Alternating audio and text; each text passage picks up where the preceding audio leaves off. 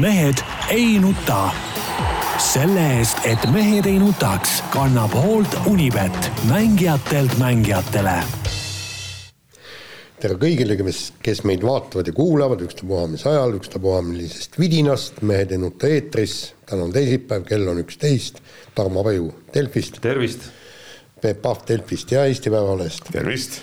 Jaan Martinson Delfist, Eesti Päevalehest ja igalt poolt mujalt ja noh, hommikul käisin hambaarsti juures, mul on pool nägu tuim, nii et et ma proovin täna saates võimalikult vähe rääkida ja nagu siin äh, Tarmo, äh, Tarmo mainis või Peep kinnitas, et, et teemasid nagu ei ole, et teeme lühema saate, siis vaatame, kas õnnestub. ei ole saate ajaloos kunagi õnnestunud veel.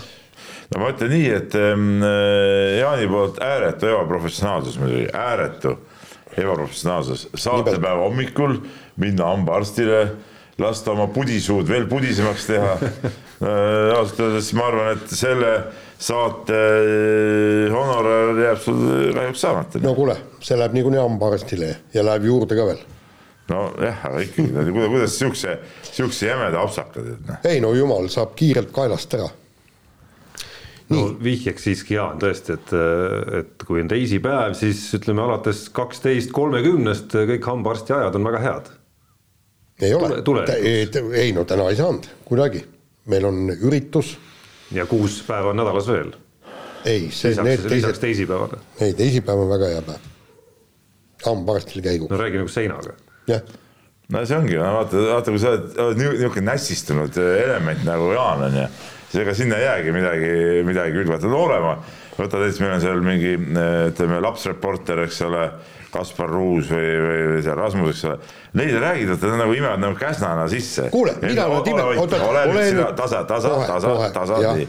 Nad imevad nagu käsnana sisse okay. ja teevad asjad kõik täpselt nii nagu vaja. aga Jaan on juba ütleme aastatega Käsnast on saanud nagu telliskivi, tead noh, jah, nagu põrkab põmmaki, põmmaki, põmmaki sealt tagasi. muide, telliskivi võtab ka vett sisse, aga see selleks. no vett Tähendab, võtab, aga, aga häid, häid nõuandeid ei võta. kui palju sa oled soovitanud meie noorreporteritel igaks juhuks äh, selgeks õppida äh, Venemaa hümn, Nõukogude Liidu hümn. sa oled minu eest, minu, sa oled minu eest see töö ära teinud, mul polegi vaja soovitada eriti. me, me ikka Peebuga irriteerime neid noori, et no see nüüd täna väga asjakohane jutt ei ole muidugi, jah, no, läheme, läheme kiirelt edasi, las no, mingid häbiväärsed peatükid jäävad äh, ajalukku. Äh, kevad on õues ja see on ilus. oi, mis nüüd siis? no mina minul on kodus lumi maja ümbert ära sulanud igatahes. ei no absoluutselt, ma lihtsalt imestan, et Jaan läks siuksesse romantilisse, romantilise. Just kurtis eile, et temal on, ma saan aru, lumi on veel põlvini seal oma. aiamaal jah ei, mina, ma ütlen ausalt, see on minu lemmikaeg aastast äh, olnud juba, juba kümnendeid tegelikult. praegu veel ei ole, praegu on veel liiga. ei, see, kus on see, see, kus on see kümme kraadi juba, mis tundub nagu oleks kakskümmend tegelikult, sest selja taga on äh, talv, on ju, et see on just see kõige ägedam aeg, see on täpselt see aeg, miks miks kunagi sai, äh, olles tulnud mingi aeg Tallinna elama, sai siit jälle nagu ära kolitud. igatahes meie tuvastasime koduaias esimese liblika kaks päeva hiljem, kui, kui siis eelmine aasta. mis värvi? Äh, mina ise ei näinud, vist oli, äh, seekord proua nägi, oli vist äkki kollane. noh, siis tuleb kuldne suvi. aga, aga eelmine kord nägin mina esimesena, see on vaatus, ütleme linnu ja, ja putuka vaatus peab käima kogu aeg. tubli. nii, aga lähme nüüd spordi juurde ja, ja miks ma selle kevade siia sisse tõingi, ongi nüüd, et äh, nii-öelda hapukurgi hooaeg, kui talisport lõpeb ja suvesport pole alanud, aga Äh, kergejõustik siis äh, kenasti ühendas nii tal-, talve kui ka no, no see on talvine kergejõustik või niimoodi? talvine kergejõustik jah, ja, ja kergejõustiku mm äh,, häid tulemusi palju, suurepäraseid maailmarekordeid ja noh, ütleme niimoodi, et, et eestlastel kaks neljandat kohta, mis noh, no mis on kõvad tulemused, noh. no kõvad tulemused. ära hakka, ära hakka vusserdama. Noh. ei, ma ei, ma ei hakka vusserdama, aga seal, seal ongi, seal ongi just see, et, et just nendel aladel ja nende meeste poolt on need neljandad tulemused, ehk siis Hans Christian Hausenbergi seitsmevõistluse neljas koht ja Karl-Erik Nazarvi kuuekümne meetri neljas koht. et, et just need mehed ja nendel aladel tegid et, et, et see toobki selle neljanda koha nii-öelda kõrgusse kui oleks, kui, kui oleks Maicel Uibo neljanda koha saanud, siis ma oleks öelnud, et mida pekki, miks Ponks ei tulnud, eks ju. no jaa, aga ütleme, selleks võtame nüüd kõigepealt siis selle seitsme võistlusena tase oli tegelikult kõva, ütleme punktisumma tase oli kõva ja Ausenberg tegi isikliku rekordi, jäi natuke alla kuue tuhande kahesaja punkti, eks ole, noh midagi pole ütelda, on, on küll ja küll on aastaid, kus selle summaga saab igal juhul medali ja oleks näiteks EM olnud, siis poleks nagu küsimustki olnud, et, et et nii lihtsalt on. Ja, ja aga, aga ütleme nüüd võrrelda päris Ausenbergi ja Nazarovit, et no ütleme, nemad, nende need äh, nagu need teekonnad oleks sarnased või ma ei tea, mis, mis kontekstis sa pärast ei maininud, et just nende neljandad kohad on nagu eriti head, aga see ka nagu ei ole päris päris kohane, sest ütleme, nende need kulgemised on ikka päris erinevad olnud tegelikult. no on nad siis nii erinevad olnud? no on ikka, ütleme, no ütleme, Ausenberg on ikkagi ütleme täielik sihuke, kuidas ma ütlen, nagu nagu väga eriline kuju, noh, ütleme kõik tema see, kuidas ta nagu lapsena tuli üles, oli seal mingi laste maailmameister siis äh, oli maailma Euroopa meister, mingi laste mitmevõistluste sai. no ikka totaalne talent. jaa, totaalne talent, eks ole, nii. siis äh, see sihuke noh, väga keeruline periood, kus, kus ta nagu hakkas kogu aeg mitmevõistlusi tegema, alustas äh, võistlusi alati vägevate seiretega ja siis ühel hetkel nagu murdus ära, katkestas, sai mingi nulli, ei jooksnud või kui jooksis, jooksis äh, seasörki ja nii edasi. ütleme, mingid siuksed vaimsed äh, lähenemise probleemid, see, kuidas ta aasta tagasi lõpetas ära nii-öelda mitmevõistluse, nii-öelda lõpetas ja, ja kuidas ta nüüd nagu tagasi tuli, tegi mingi kannapöörde, tuli tagasi ja oma potentsiaali lõpuks nagu avas, noh, see on nagu ikkagi noh, see on nagu vägev, noh, tegelikult on, ta on väga-väga kihvt kuju, mulle, mulle ta väga-väga meeldib ja, ja väga sihuke emotsionaalne vend ja, ja ütleme, sihukese mehe nagu nagu see teekond või seda nagu kirjeldada on, on nagu, on nagu väga uhke. no sa nagu ütlesid, et avas on ju, et noh, ega me seda ei tea selles mõttes, et mis see potentsiaal lõpuks nagu ei, edasi vaadates nagu on, on ju. mulle. aga nüüd ta tõusis ikkagi ju ütleme ei kusagilt, ütleme maailma mõistes ja kusagilt ju ikkagi rahvusvahelisele nagu tasemele. mulle nii see Hausenbergi lugu kui tegelikult natukene need arutelud, mis me oleme pidanud siin äh, laskesuusatajate teemadel just selles äh, kontekstis, et, äh, et noh, on, no eelmises saateski rääkisime Regina Oja kontekstis meil tuleb täna teemaks Kalev Ermits teatas loobumisest, on ju. ja meil on ikkagi aastate jooksul käinud siin saates see vaidlus natukene, et eh, kus Peep ütleb, et ütleme nagu enne kolmekümnendat või natuke pealegi eluaastat umbes noh, ei, ei, ei tohikski nagu hüvasti jätta, ole sa või maailma seitsmekümnes on ju, et õige spordimees. see, see ikka teeb nagu nii-öelda lõpuni läbi higi, vere ja pisarate on ju, ja ma kuul-, sattusin kuulama eelmisel nädalal, see on nüüd natuke, ma hüppan üsna kaugele selle teemaga, sattusin kuulama ühte podcast'i kus oli külas äh, üks äh, kunagine Saksamaa korvpalli tuleviku lootus, üks nendest, keda on nimetatud seal äh, nii-öelda järgmiseks Novitskiks, on ju ja, ja siis ta rääkis oma sellest teekonnast, on ju, kuidas kuueteistkümneselt oli ta nagu tohutu talent, pikk, viskas eemalt nägu korvi poole, mängis toonasel ajal veel oli selline nagu ei olnud kõige tavalisem, on ju. loomulikult tulid Novitski võrdlused kohe, et tema oli oma karjääri just alustanud. aga selle mehe lugu oli see, et tegelikult ei tulnud tast midagi, et tal kadus nagu spordi tegemise isu ära, ta räägib tagantjärele, kuidas, kuidas ta sai aru, et tema jaoks nagu tippsport nagu, et see ei ole nagu tema elu tegelikult, et, et seal selles kont-, nagu keskkonnas ta ei suudagi pingutada ja, ja läbi lüüa. Ja hiljem elus lõi ta läbi hoopis teisel elualal, ehk siis probleem ei olnud selles, et ta nagu ei suudakski pingutada mingil alal, kus ta kirg on, vaid lihtsalt sport ei olnud nagu tema jaoks, on ju. ja see toob mu nagu selle Hausenbergi juurde tagasi, on ju, et justkui oleks ka võinud tunduda aasta-kaks või, või kolm tagasi, on ju, et, et äkki nagu suhteliselt samasugune lugu, on ju. aga, aga päris äge, kui, kui osutub ikkagi, et, et ta nagu nii-öelda ringi, väikese ringiga leiab ikkagi selle kire nagu selles algses kohas olevat. seal, kus on talle justkui füüsiliselt väga palju eeldusi antud. jaa, aga Tarmo, minu meelest just see Hausenbergi vaadates, temal ei olegi üldse muud eksisteerimise võimalust kui ainult spordis. sa ei tunne teda ju ei, palju aga, sa tead tema see..., palju sa tead sellest, mis ta peas toimub, seda ei saa kindlasti ei, aga seda, mis ma vaatan, ta on valmis võistlema kõikjal ja, ja igal pool ja vaata, kui ta, kui ta on siin Estikatel jooksnud, mis paganat tõkkeid ja kaugust hüpanud, kolmikutki isegi vist hüppas, oli, oli vist nii. ma seda kolmikut praegu ei mäleta, aga seda kaugust on kõige rohkem teinud ikka, jah. jaa, aga ta, ta on kogu aeg ikkagi keerelnud selle spordi sees ja, ja tema puhul noh, vähemalt minule on jäänud mulje kogu see kasvatus, kui vanaema teda treenis ja kõik nii, et, et ta, ta ongi sinna spordi spordi sisse niivõrd sügavale kaevunud, et, et, et ta pidi lõpuks kuskil selle, selle võimaluse leidma ja, ja tegelikult ma, ma, ma nüüd tahaks võib-olla, noh, teie olete võib-olla suuremad spetsialistid, vähemalt kergejõustikus kümnevõistluses, et mis on tema potentsiaal just kümnevõistluses, kui me paneme siia nüüd Ketta ja Oda juurde? aga seda ongi nagu raske ütelda, aga ta on ju tegelikult suhteliselt noor mees alles, et kui me mõtleme, ta on kakskümmend kolm praegu et, et ega Erki Nool tegi ka oma esimese suurema sähvatuse tegi ikka kahekümne viieselt alles ju üheksakümne viiendal aastal, eks ole. et, et seal nagu aega veel iseenesest on ja ütleme, need madalseisud ta suutis väga noorelt äh, läbi käia, lihtsalt kuna ta nii noorelt tuli üles, siis oli kogu aeg selline tunne nagu, et ta on kogu aeg nagu olnud siin spordis.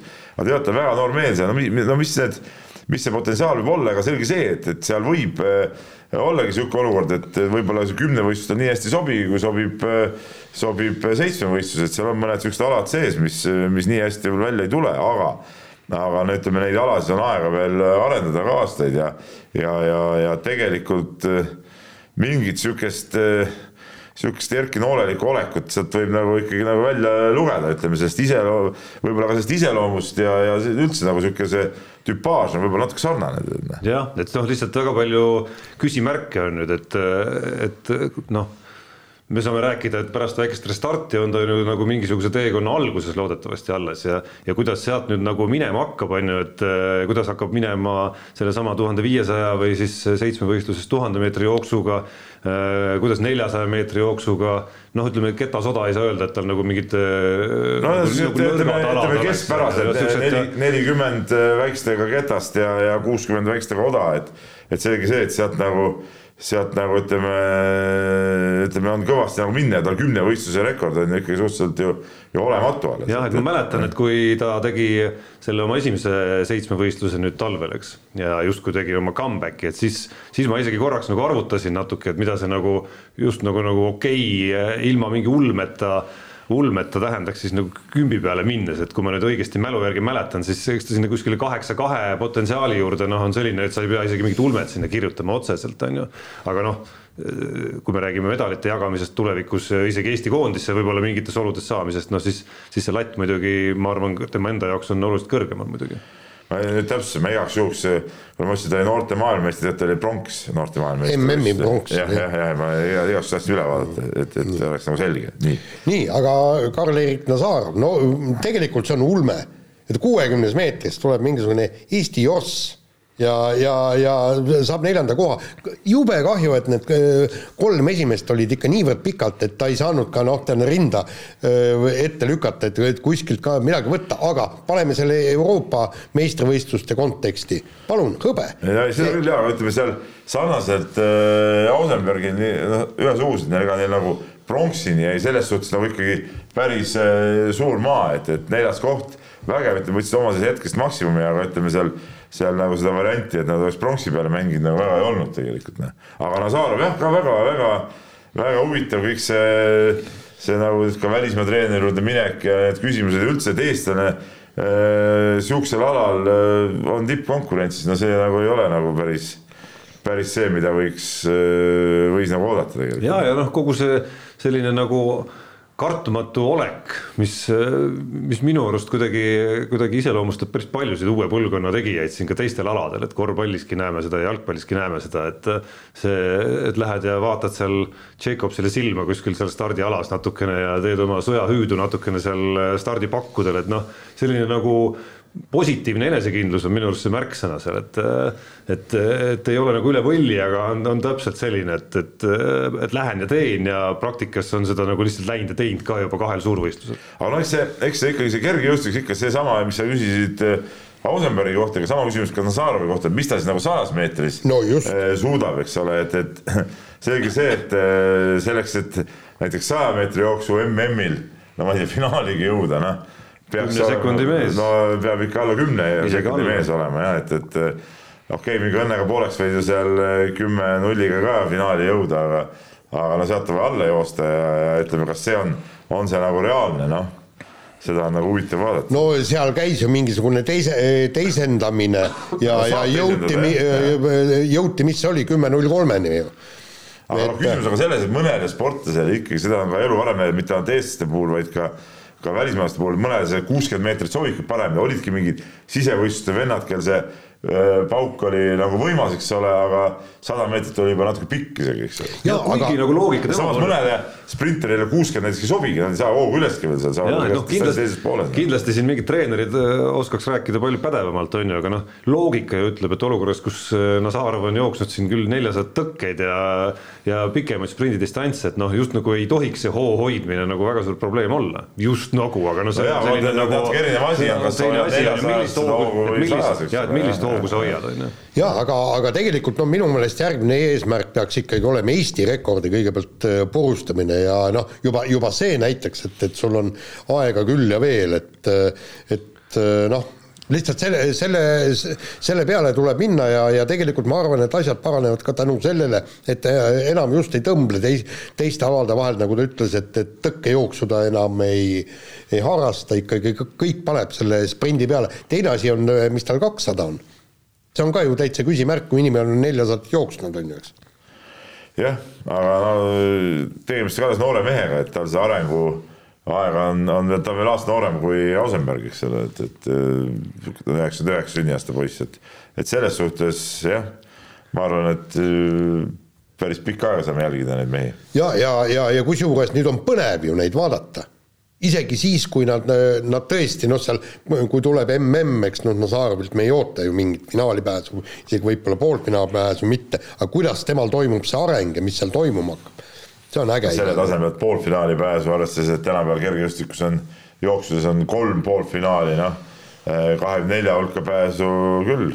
noh, jah noh, küm-, jah, tulles kümbi juurde tagasi, noh siis seal on nagu, nagu veel nagu ekstra põnev, eks ole, et seal on meil terve plejaad on ju. et äh, Karel Tilga küll sellel samal võistlusel noh, oli seal kimpus jälle natukene nagu oma hädadega on ju, aga see ei, see ei tähenda nagu kuskilt otsast, et, et seda meest kuskilt peaks nagu ära unustama, et vastupidi. mul nagu endiselt on kuskil kuklas tunne, et, et ei, ei saa üldse välistada, et tema on lõpuks see, kes kõige suurema paugu nagu justkui sellest seltskonnast siin nagu lõpuks ära teeb. jaa, aga tegelikult, kui sa vaatad seda kümpi, eks meil on jube suured lootused olnud.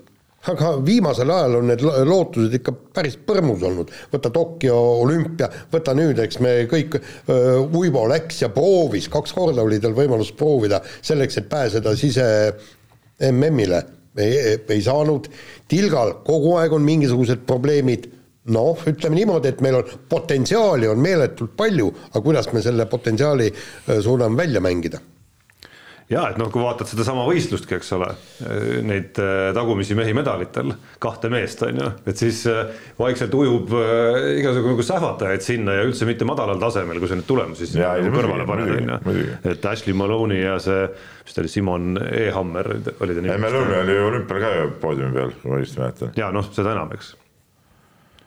no vot minu kord vist jätkata. ma ei tea, kui ma mõtlesin, teen ühe väikese soolo asja siia vahele, kusjuures ja kui me kergejõustikust rääkisime, no me siin saate eel oleme rääkinud, et et ma täna olen minemas oleme. oma vanaema ärasaatmisele ja, ja siis lihtsalt üks väike lõbus vahepala siia, et et kui ma nädalavahetusel lugesin tema külaliste raamatut, siis selgus või tuli meelde õigemini, ma ei mäletanud, et tegelikult mu vanaema maailma parim, on äh, meie saates olnud osaline kunagi, sest sealt külaliste raamatust ma leidsin koha aastaid tagasi, vist oli kaks tuhat neliteist, kus ma soovitasin talle, et ta kuulaks järgmise päeva Mehed ei nuta saadet ja viitasin ühele anekdoodile seal, mille ma lubasin seal saates siis nagu ette kanda. Ja ma otsisin selle anekdoodi kahe tuhande neljateistkümnenda aasta kaheksanda juuli Äh, mehed ei nuta saatest üles. Ja seal saate lõpus. no omaette kangelastega on see saadud üles. ei, see oli väga lihtne, Kuku raadio arhiivis on kõik need olemas. ja, ja see oli siis selline jooksumehe anekdoot, kus ühel jooksumehel käisid külas äh, vargad, tähendab jooksumees räägib sellest, kuidas tal käisid vargad, on ju. Äh, käisid sees ja siis ta hakkas neid taga ajama, on ju, ja siis sõber küsib, et noh, et, et mis siis sai, on ju. et said kätte ja siis jooksumees ütleb. pika puuga panin ära talle Nonii, nüüd on see ka, nüüd on see ka meie saate kaasaega salvestatud aga läheme edasi põrinatega, tõeliselt võimsate põrinate hooaeg läks lahti nii vormel ühes kui vormel kahes. alustame, ma arvan, meile südamelähedasemast, vähemalt eestlaste mõttes ehk Jüri Vipsist ja, ja vormel kahest. no plähmerdas tiim, mis ta plähmerdas, aga märgid hooajaks peab ütlema, vist on positiivsed. no hetkel vähemalt esimese etapi järel Äh, lugesin äh, neid äh, nii-öelda pakkumisi hoo-, vormel kaks hooajal e-, eel ja, ja Jüri Vipsile kõrget lendu ennustatud ja põhjus on mitte see, et tema on kehva, vaid sellepärast, et see high-tech'i auto, arvati, et see ei ole ikkagi nii konkurent, eelmine aasta oli ju pidevalt sellega oli mingisugust jama ja ja, ja siis ja kui, kui sa vaatad, hakkab pihta sealt juba, et, et see ajasõit, vend sai kolmanda koha, kusjuures tal oli ka probleeme seal, et, et ta ei saanudki täiuslikku ringi öö, kokku. noh, siis vaatasin, et ohoo, siit võib midagi tulla, no okei okay,, sprindisõit läks kehva stardi tõttu kaduma, aga see, see põhisõit, kui ta kolmandalt kohalt kahe mehe vahelt ja läks ja läks ja läkski eest nii ära, et, et põhimõtteliselt võttis pool sekundit ringiga, vaata et rohkem ja muidugi noh, siis, siis rehvi vahetusel kogu need jamad, aga, aga mind nagu see väga ei häirigi, et ta seda võitu ei saanud. minu meelest jällegi, ja see on see minu mantra, kui Red Bulli vennad vaatavad seda sõitu ja kui see vips oleks tõesti läinud lihtsalt eest ära ja olekski läinud ja lõpuks võitnud viieteist sekundiga, noh, oleks õlgu kehitatud väga hea auto ja poiss hoidis hästi sõidujoont ja ka kõik see, aga nüüd kui vend kukub kolmeteistkümnendaks ja suudab sealt ennast pressida kolmandaks ja, ja mine sa tea, see lõpuks tuli see turvaauto, sealt oleks võib-olla veel ühe koha võinud võtta. minu meelest see ikkagi näitab, et ta on sõidumees. ja just nendes madalamates sarjades, see puudutab ka näiteks autorallid, näiteks seal WRC kahte, WRC kolme, mingeid neid juunioreid on ju, seal need tiimid vaatavadki hoopis teistsuguseid asju, nad ei vaata seda, et kes nüüd tingimata võidab, vaid vaadatakse, kuidas sa mingitest olukordadest suudad läbi tulla, kuidas sa välja tuled sellest ja, ja see jah, tõesti nagu Jaan ka ütles, et nagu see vips ja ütleme, kukkus mudasse ja sealt tuli uuesti üles. see on ikka, see on puhas sõidumehe tunnus, no see on, siin ei ole midagi rääkida, et et siin ainult heast autost ei piisa, et need möödasõidud ikkagi eeldavad ikka sõidumeheks olemist. ja seda tiimid vaatavad igal juhul ja ma arvan, et Red Bullis seal tehti ikka kindlasti mingi mingi roheline linnuke tehti tema nime taha jälle juurde. jah, lihtsalt äh, ütleme, ma arvan, et kui äh, ütleme, kui, kui oleks veel natukene viperusi vähem ja, ja see oleks, seda oleks, seda kõike oleks krooninud ka noh, näiteks siis võit on ju, siis oleks rohelisi linnukesi võib-olla kaks tükki tehtud sinna veel. ja ei, seda küll, aga lihtsalt tee, teekond sai otsa, seal ei ole midagi teha, eks. oleks äh, lõpus seda turvaautot olnud, siis oleks ma võib-olla näinud. teine asi oli see, et, et minu jaoks oli see hämmastav, et kuidas niisuguse tagaajamisega ta suutis ikkagi oma rehve sedavõrd äh, säilitada, kusjuures veel äh, pehmeid rehve, et, et need täiesti, täiesti pastlaks ei kuju, kulunud lõpa, lõpus, et minu meelest oli seal plusse rohkem, kui äh, noh, lootnud oleks. noh, kusjuures selle süsteemi juures, mis seal vormel kahes on, nagu punktegi vaadates, siis nagu kolmandad kohad ja ütleme seal nagu enam-vähem tipukandis kohad, olgu nad kolmandad või viiendad, on ju tegelikult täiesti okei okay,, kui vaadata nagu punktisüsteemi, et kõige hullem, mis seal, mis seal juhtuda sinu, sinuga saab, on see, kui sa finišisse ei jõua üldse. et sealt lähevad nagu valusad punktid kaduma, et see, kui sa tiirutad kogu aeg stabiilselt seal no näiteks kolmanda koha kandis, ükskõik, isegi mingitest viperustest hoolimata, see hoiab sind äh, ikkagi väga hästi seal esikoha konkurentsis. just, aga, aga, aga see on selge, et, et mingisugusel hetkel sa pead ka näitama, et sa oled äh, võimeline võitma võitma, jah.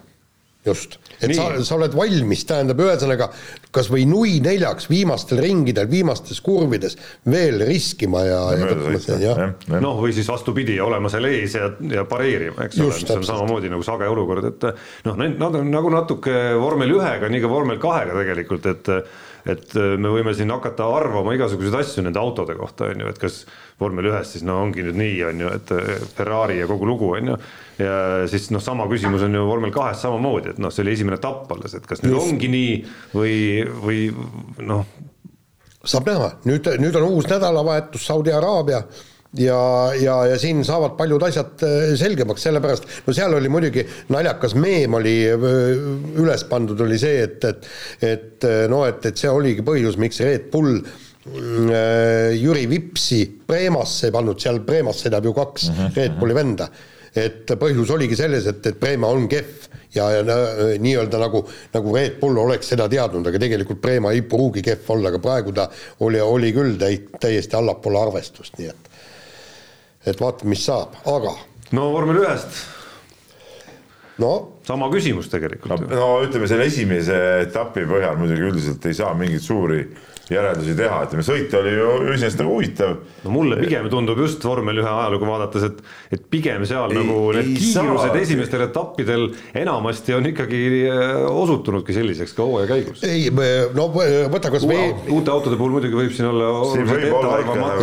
Äh, vaata eelmist aastat on ju, eks, et, et äh, noh, kuidas see Red Bull ikkagi lõpuks võttis selle noh. võib-olla oleme ära harjunud selle ajaga, kus mingil ajastul Mercedes nii-öelda nagu alustas ja võitis, on ju, ja domineeris, on ju, ja siis mingil ajal ja mingil ajal Red Bull ja mingil ajal Ferrari ja nii edasi ajalukku minnes. ja, ja no põhimõtteliselt, põhimõtteliselt äh, Mercedes, kellel tõesti kiirust ei olnud, vähemalt äh, selleks, et Ferrari ja Red Bulliga võistelda, ütlesid, et nüüd läheb kiiremas korras, nad teavad, kus on probleemid, nagu ta ütles, et meil on äh, õhutakistus liiga suur me ja äh, kuidas see boss ütles, et me lähme nüüd kirvega näiteks tagatiiva kallale, eks ju. ja, ja ütles, et meil on pisiasjad, kus me saame äh, asju paremaks teha ja äh, ja muidugi see, see muidugi oli vot valus, noh, nagu sa ütlesid, et või Tarmo ütles, et et, et kui sa saad ikka oma punktid kätte, on kõik okei okay,, aga kui sa katkestad, et Red Bull ja, ja siiamaani ei ole tegelikult aru saadud, et, et mille, mille pärast viimastel ringidel äh, mõlemad autod tee kõrvale jäid, aga mingi jama seal on. aga noh, õnneks on tehniline, samas ikkagi Ferrarile ja Leclerc'ile vastu ei saanud. Verstappen suutis ennast teiseks venitada tänu sellele, et on Verstappen mm. -hmm. nii on, nii on. nii ja lähme edasi ja, ja tegelikult eh, eelmise nädala üks eh, põnevamaid äh, asju Eesti spordis oli Eesti käsipallikoondises MM valikmängud, jõuti siis sinna play-off mängudele, kohtuti kahe korral Austriaga võõrsil, jäädi kahe väravaga alla ja, ja teine mäng oli Eesti kodus ja noh, tegelikult selle mängu eel võis isegi arvata, et, et on variandid edasi minna, järgmises ringis oleks Islandiga kohtunud ja sealt võiti oleks juba MM-ile pääsenud, et aga no läks äh, nagu Tener Jaanimaa, üks koondise liidreid ja veterane ütles, et äh, läks nagu alati, et äh, et kui on tarvis mängida, siis, siis nagu seda mängu ei ole ja, ja, ja, ja, ja ei tule ja nii oligi täpselt, et et noh, rünnakul oldi ikkagi täiesti noh, püsti hädas, näed, mitte midagi ei tulnud välja. tegelikult, kui me vaatame juba seda esimest mängu, no algus oli ju veeres, mina panin ju poole pealt, panin selle teleka sisse, vaatan, tohoo tonti, eks Eesti juhib viiega et noh, et mis las-, lastakse kurevoolu ja, ja siis eh, teises mängus vahetusmehed platsile või mis, aga ei midagi, teine poolaeg hakkas ja, ja kus oli kõige valusam, oli muidugi see viimased eh, minutid, eks seis on viigiseisult. ja, ja Austria viskas võõrsil ju eh, kaks väravat selle mingi sisuliselt kahe minutiga või midagi nii.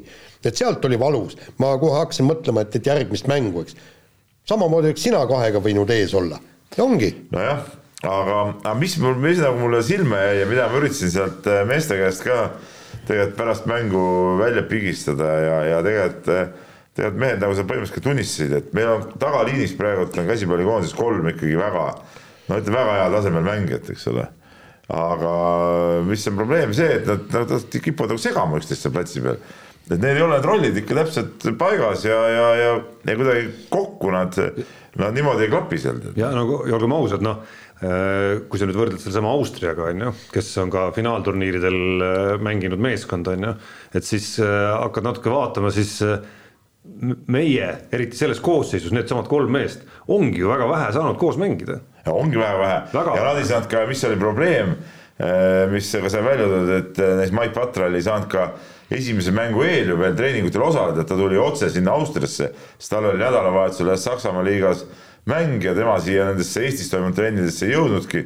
Läks otse Austriasse, noh, siin siis olid reisid, värgid, sai siis natuke proovida ja tema stiil nagu öeldakse ka nagu teistsugune natuke ja, ja ongi, ongi raske saada äh, seda klappi ja, ja, ja ongi noh, nad on head mehed, aga kõik tahavad ka teha mängu.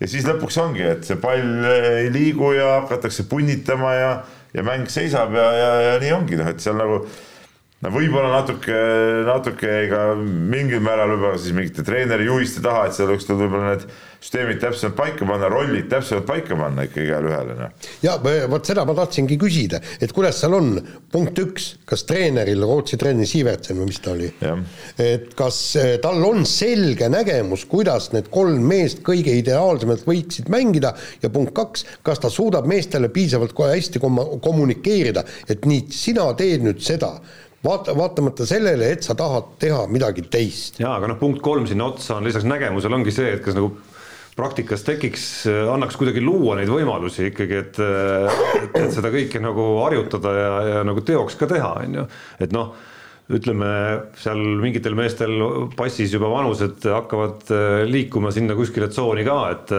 et noh, mine tea, kui kaua neid seal tipptasemel veel on. vist on kolmkümmend kolm juba. no näiteks on ju, aga nad ei ole noh, käsipallis eriti. ei ole veel liiga vanad. Nad ei ole veel liiga vanad, et noh, praegu me rääkisime MM-tsüklist on ju, kus, kuhu Euroopast ikkagi nüüd nagu saab ikkagi oluliselt vähem satse, kui saab Euroopa meistrivõistluste finaalturniirile. ehk siis, äh, ehk siis nagu see üks tsükkel kindlasti on seda võimalust veel ja kasvõi seda Austria, Austria mängu vaadates või mänge. noh, ei, ei tekkinud ju tunnet ja me räägime siis satsist, kes ikkagi nagu finaalturniir on nagu finaalturniiril mängiv meeskond, tõsi, mitte nagu tippmeeskond enam seal. et siis ei olnud ju tunnet, et me ei võiks näiteks Austriat edestada mingites oludes äh,. natuke parema õnnestumisega. aga Austria meeskonnast räägime, siis minu absoluutne lemmikmees oli muidugi täielik jõmm joone peal seal, ma ei tea, kas nägid seda? ja, ja, ja. no need on äh, kõikidel aladel, Peep, sinu, sinu, sinu lemmikud. Kui jalgpallis ka mõni selline väljakule lastakse, oi küll sa naudiksid seal kuskil. aga no jäähoki ja korvpall on kohad, kus ja käsipall on kohad, kus sellistel meestel on oma koht alati olemas. nagu metsapull. Metsapull jah, muidugi Eesti koondise juures oli ka lahe, kui Kristo Voika tuli siis ka Äh, joonemängijaks pidi, kuna meil polnud joonemängijaid seekord, eks ole, see oli suur mm. probleem muidugi ka, mille taha palju jäi, et, et et äh, Martin Johanson oli nagu ainus, ainus sihuke klassikaline joonemängija meil ja siis, siis tehti seal igast vangerdusi ja korra isegi Patral käis joone peal seismas aga vaata, me oleme ju seda eelnevates saadetes ka nagu puudutanud, et vaata, räägime siin, et kokkumängu ei ole kõik nii. Kas käsipallis ei saa teha samamoodi, nagu tehakse ka Eesti korvpallis, et sul on nagu äh, mingid sõprusmängud, ütleme, kui hooajad on läbi, suvel võtad kokku, nagu meil on see korvpallimaja, tee käsipallimaja kas või kaheks nädalaks, kolmeks nädalaks, tee paar-kolm sõprusmängu, et, et saad nagu asju paika panna, sest nüüd algab ju sisuliselt viimane tsükkel EM-i viimane tsükkel, kus need mehed võiksid oma unistuse täita. jaa, aga mm, vot ma ei tea, mis, mis võimalused näiteks käsipallis rahalised on. On üks ja teine siin see, eh, noh, ma ei ole kindel, et näiteks Patrail, kes minu arust elabki, noh, ta nagu ei olegi Eestis tegelikult, et ta vist see elu ongi juba seal, seal kuskil Saksamaal või, või kuskil sealkandis et ta tuleks Eestisse niisama nagu. jaa, aga noh, see on see koht, kus, kus kui tahta midagi saavutada, siis, siis peaks kuidagi nagu midagi organiseerima, sest ma mäletan, et kui oli see, see nii-öelda nagu koroona sulgemiste aasta on ju, ja siis hakkasid need korvpallikodud ja kõik erinevad koondised siin kogus võrkpallurid tegid siin, okei okay,, neil olid need Euroopa liigad ja asjad ka. et kogunesid, siis ma mäletan, et ma isegi ühelt käsipalliinimeselt vist küsisin isegi, et, et kas sa tead, et miks käsipallis nagu midagi sellist noh, olukorras, kus ju hooajad pandi päriselt seisma ja mängijatel tekkisid ju mängupausid sisse korralikud, et et miks käsipallis nagu midagi sellist ei tehtud, on ju. et noh, see ei olnud küll käsipalliliidu, käsipalliliidu inimene, aga noh, seal, seal nagu sellist, see teema oli tegelikult toona nagu mingi, mingis ringis tegelikult üleval küll nii, aga võtame järgmise teema ja räägime nüüd siis äh, talve lõpust ja mitte ainult talve, vaid ka karjääri lõpust. laskesuusataja Kalev Ermits teatas, et äh, viib äh, püssi relvakappi ja suusad keldrisse ja, ja tema karjäär on sellega lõppenud, et noh, ütleme niimoodi, et, et no siin, siin on mitmeid küsimusi, eks, et noh, üks on ikkagi see, et, et, et, et mees, kes oleks võinud üht-teist korda saata, noh, mida me peame kordasaatmise nime all, eks. aga, aga ei tulnud, kogu aeg oli peaga vastu seina jooksmine ja, ja noh, selles mõttes noh, ei olnud enam mõtet. see, see on üks punkt.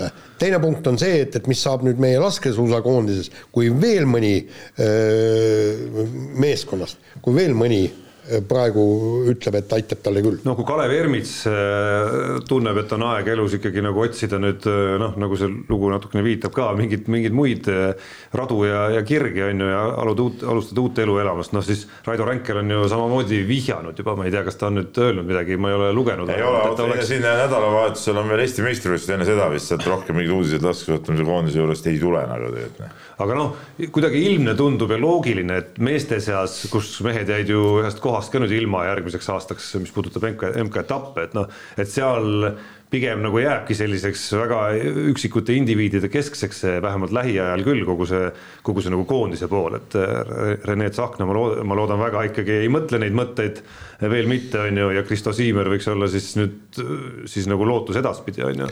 aga suurem mure mul tegelikult on nagu naiste pärast, kus, kus nagu noh, justkui oleks ka neid ja Regina Oja on seda vihjanud, kes võiks mõelda samamoodi nagu Kalev Ermits. aga seal nagu justkui selle nagu naiskonna koos püsimise huvides äh, noh, vähemalt nagu nii-öelda nagu neliku mõttes või teate nelikugi mõttes on ju, tahaks ikka väga, et, et, et, et see uus treener suudab kuidagi need kõhklejad ära veenda. ja, ja see on. või no uus treener, nüüd juba mitte nii uus. see on väga oluline, et, et suudaks need ära veenda, et no mina loodan küll, et naised ikka kõik jätkavad, noh et eks see, eks see küsimus on ka, et, et kui Kalev Ermist loobub, et kas Regina Oja äh, siis äh, jätkab, et, et äh, ehk liiguvad seal kuidas see pereelu neil seal nagu välja hakkab, hakkab siis nägema, kui üks on laagrites ja teine on kodus kogu aeg, et ma olen harjunud tegelikult kogu aeg koos olema. noh, siin nagu teatud küsimused nagu on, on üleval, samas, samas Regina Oja on üks nendest, kelle pealt näiteks peatreener Svoboda näeb seda arengupotentsiaali nagu vaata et kõige rohkemgi tegelikult, et, et, et äh, seal nagu oleks, oleks küll igatepidi põhjust äh, jätkata ja, ja edasi teha ja, ja proovida ja üritada, et, et ähm, ei, siin küsimusi on nagu selles suhtes päris palju, noh. ja noh, kõigil justkui võiks sellel nelikul nagu hambad päris korralikult nagu verel olla ütleb nagu loogika, on ju, et et tõsi, Regina Oja on jah, nagu Kalev Ermitsaga kõige sarnasemas seisus, on ju, et on mingisugused üles-alla asjad juba ära teinud, Johanna Talijärmal noh. no veel rohkem.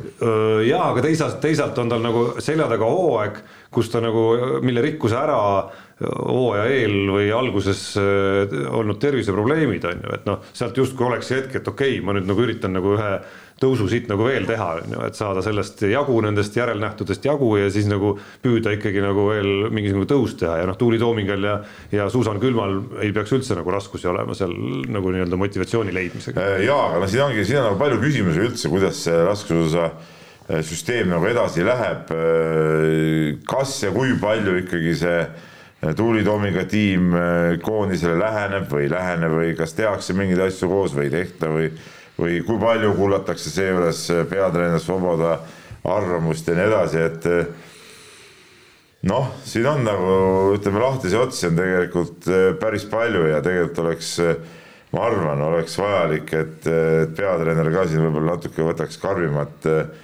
joont siin, siin mõnedes küsimustes, et, et et tegelikult tal on head mõtted ja ta on hea treener, et ma arvan, et tema neid asju tasub nagu järgida. kõige hullem ongi see, et, et kui nüüd, kui nüüd tõesti keegi nii-öelda peatreeneri õpilastest loobub, Ränkel loobub, kes, kes meestest on? no Sahkna on tema juures. ei, ma mõtlen selles Dobrelutsu. Haldna. Helna. Helna, eks. ja mine sa tea, äkki keegi läheb veel ära ja lõpuks ongi siis niimoodi, et sisuliselt on, on.... ei no lihtsalt pead sealt noori võtma juurde, eks ole no,, seegi see, et seal, seal on mõned, mõned, mõned üks tüdruk, ma tean, kes on, on nagu tulemas võib-olla ülespoole, noh. Seal on ka see, et kuidas juunioride koondise treenerid sellesse vaatavad, kuigi noh, mis nendel seal vaadata on, et kui öeldakse, et tema tuleb koondisse, tuleb nagu koondisse, see on kõik, tead, mis no ei no paras, paras nuputamine ikkagi, et no ja noh, et, et eks me ju teame, seal on nagu kogu selles lahkuolemises on natukene või natukene, päris palju mingite omavaheliste suhete ja, ja, ja seda liini, eks ole, ka seal sees on ju, mistõttu selle nagu, nagu kokku traageldamine ei ole kõige lihtsam, on ju. teisest küljest äh, olukord, kus lõpuks on treenereid justkui sama palju kui sportlasi tipptasemel, noh, on ka selline nagu omamoodi keeruline viis, kuidas jätkata. ja aga teine asi on ju see, et, et praegu ongi, tähendab, meil on, keda me meestes paneme sinna teatesõitu, on ju, eks ja kust saab neid kõige rohkem, neid rahvuste karikapunkte on ju, eks. äh, vajalik ja mis olümpia hakkab ka varsti tulema.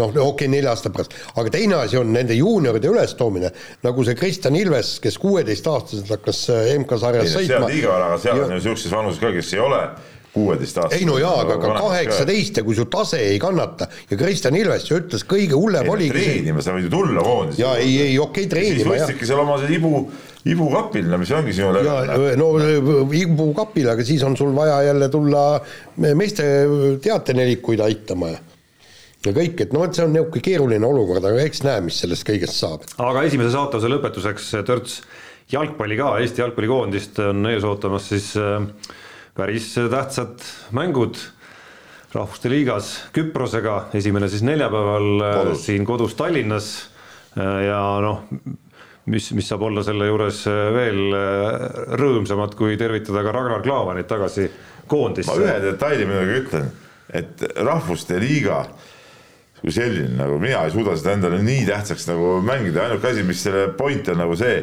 et kui me tõesti kukume aste madalamale, et siis me järgmine tsükkel lihtsalt mängime ainult nõrkade võistkondadega, et see. no just, aga see, see nagu- ongi. Nagu see, aga nüüd rahvuste liiga kui selline, oleks mingi, oh sa pagan, et siis mingi kõva värk täitsa. no mingi lakmus ta ei, nagu taseme kohta täitsa, on, on ju. täitsa kama kõik, tähtis on ikkagi MM või EM valiksarjad, eks ole, need on nagu need, mis huvi pakkunud no,. aga teisalt, teisest küljest on need ikka nagu tõsisemad mängud oluliselt, kui selle asemel lihtsalt sõprusmänge treida. nojah, ei tea. punktide peale. ei ole seal midagi tõsist. ei, ei, see, ma olen Peebuga nõus. Ragnar Klavani koondisse naasmine on minu arust ka nagu loomulik, et, et koondis peavadki olema need, kes parajasti on kõige, kõige hetkel kõige tugevamad ja keda kõige rohkem seal vajatakse, et, et see on nagu elementaarne minu arust, siin pole isegi see ei ole üldse mingi arutlemise koht minu arust. no paar aastat vahepeal ikkagi nagu oli arutlemise koht. no ega siin ei olnud midagi arutleda, see oli nagu viga tead noh ei no jaa, aga see inimesel tervis ei pea vastu, noh. See on täpselt see, et, et miks Kaia Kanep ei mänginud Federation Cupi, sellepärast et temal on tervis lubab mängida teatud arvu mänge aastas. ütleme, et see üks-kaks mängu seal koondise eest, noh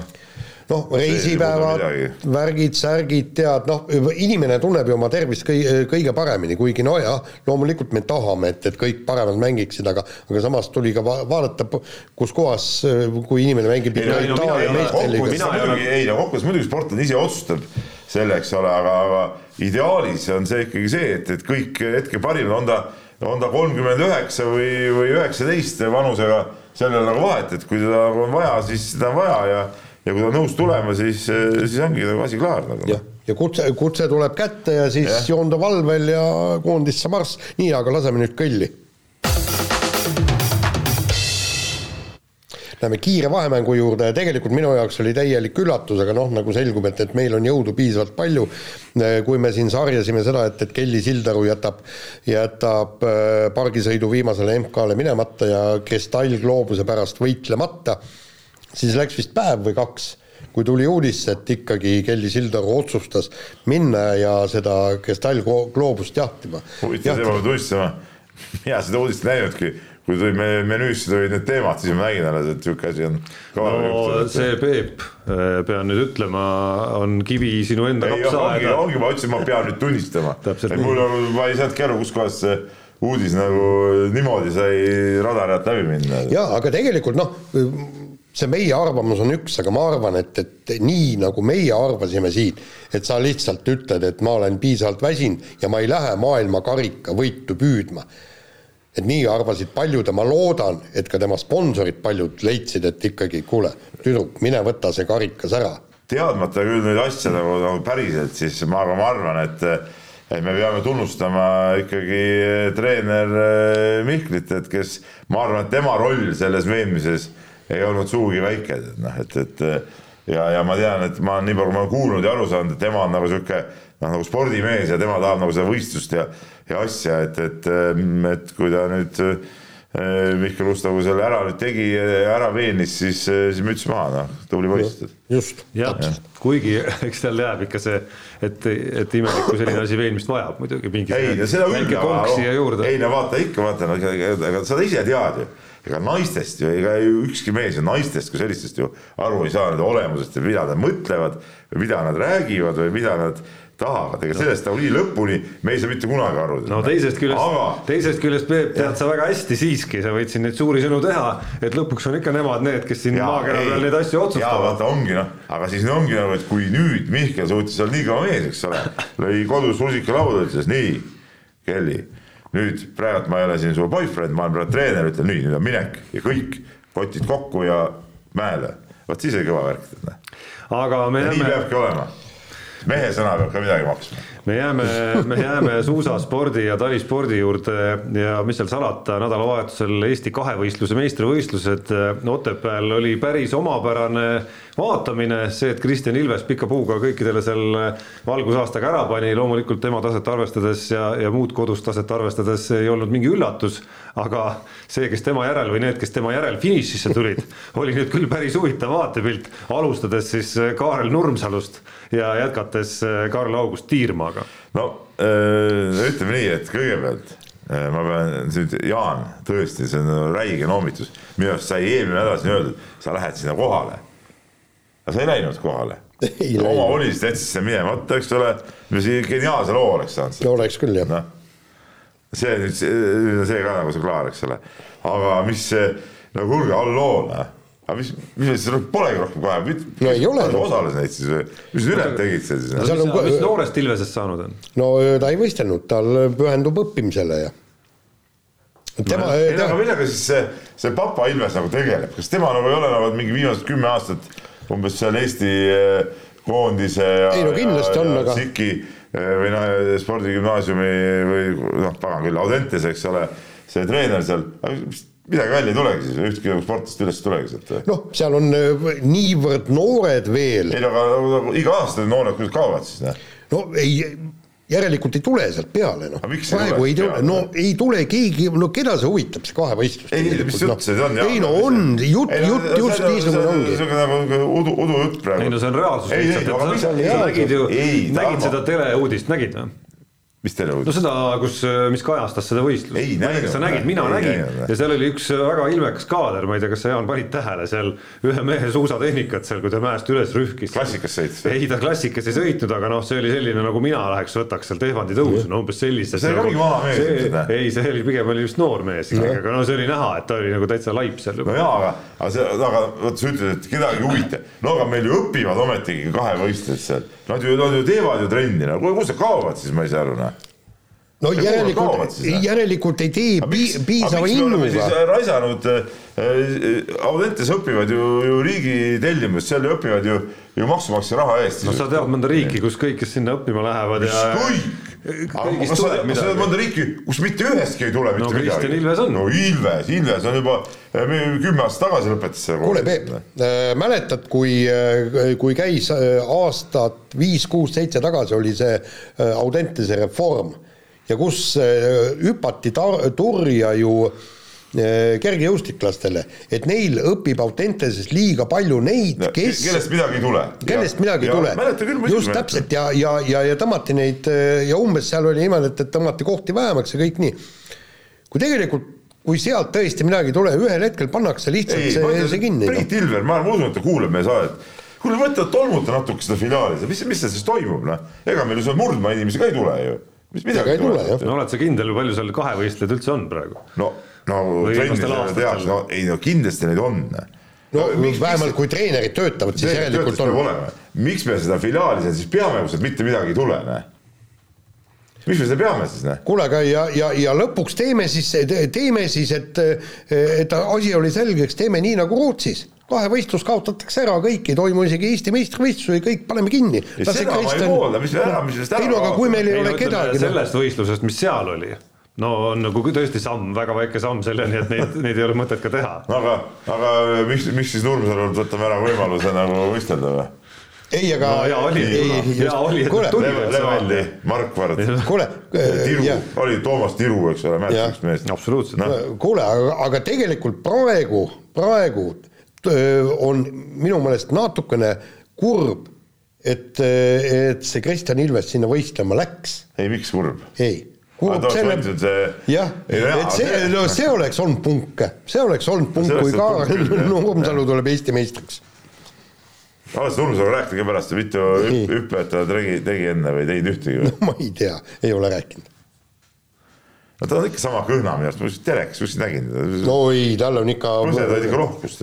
no jaa, aga kaalu on ikkagi natuke. no jaa, aga mida raskema kaaluga sa kiiremini saad ju mäest alla ja suurema kiiruse pealt seda ära tõugata no jaa, aga tuled kivina ka alla. no mine no. proovi, siis sina peaksid olema ideaalne suusahüppaja.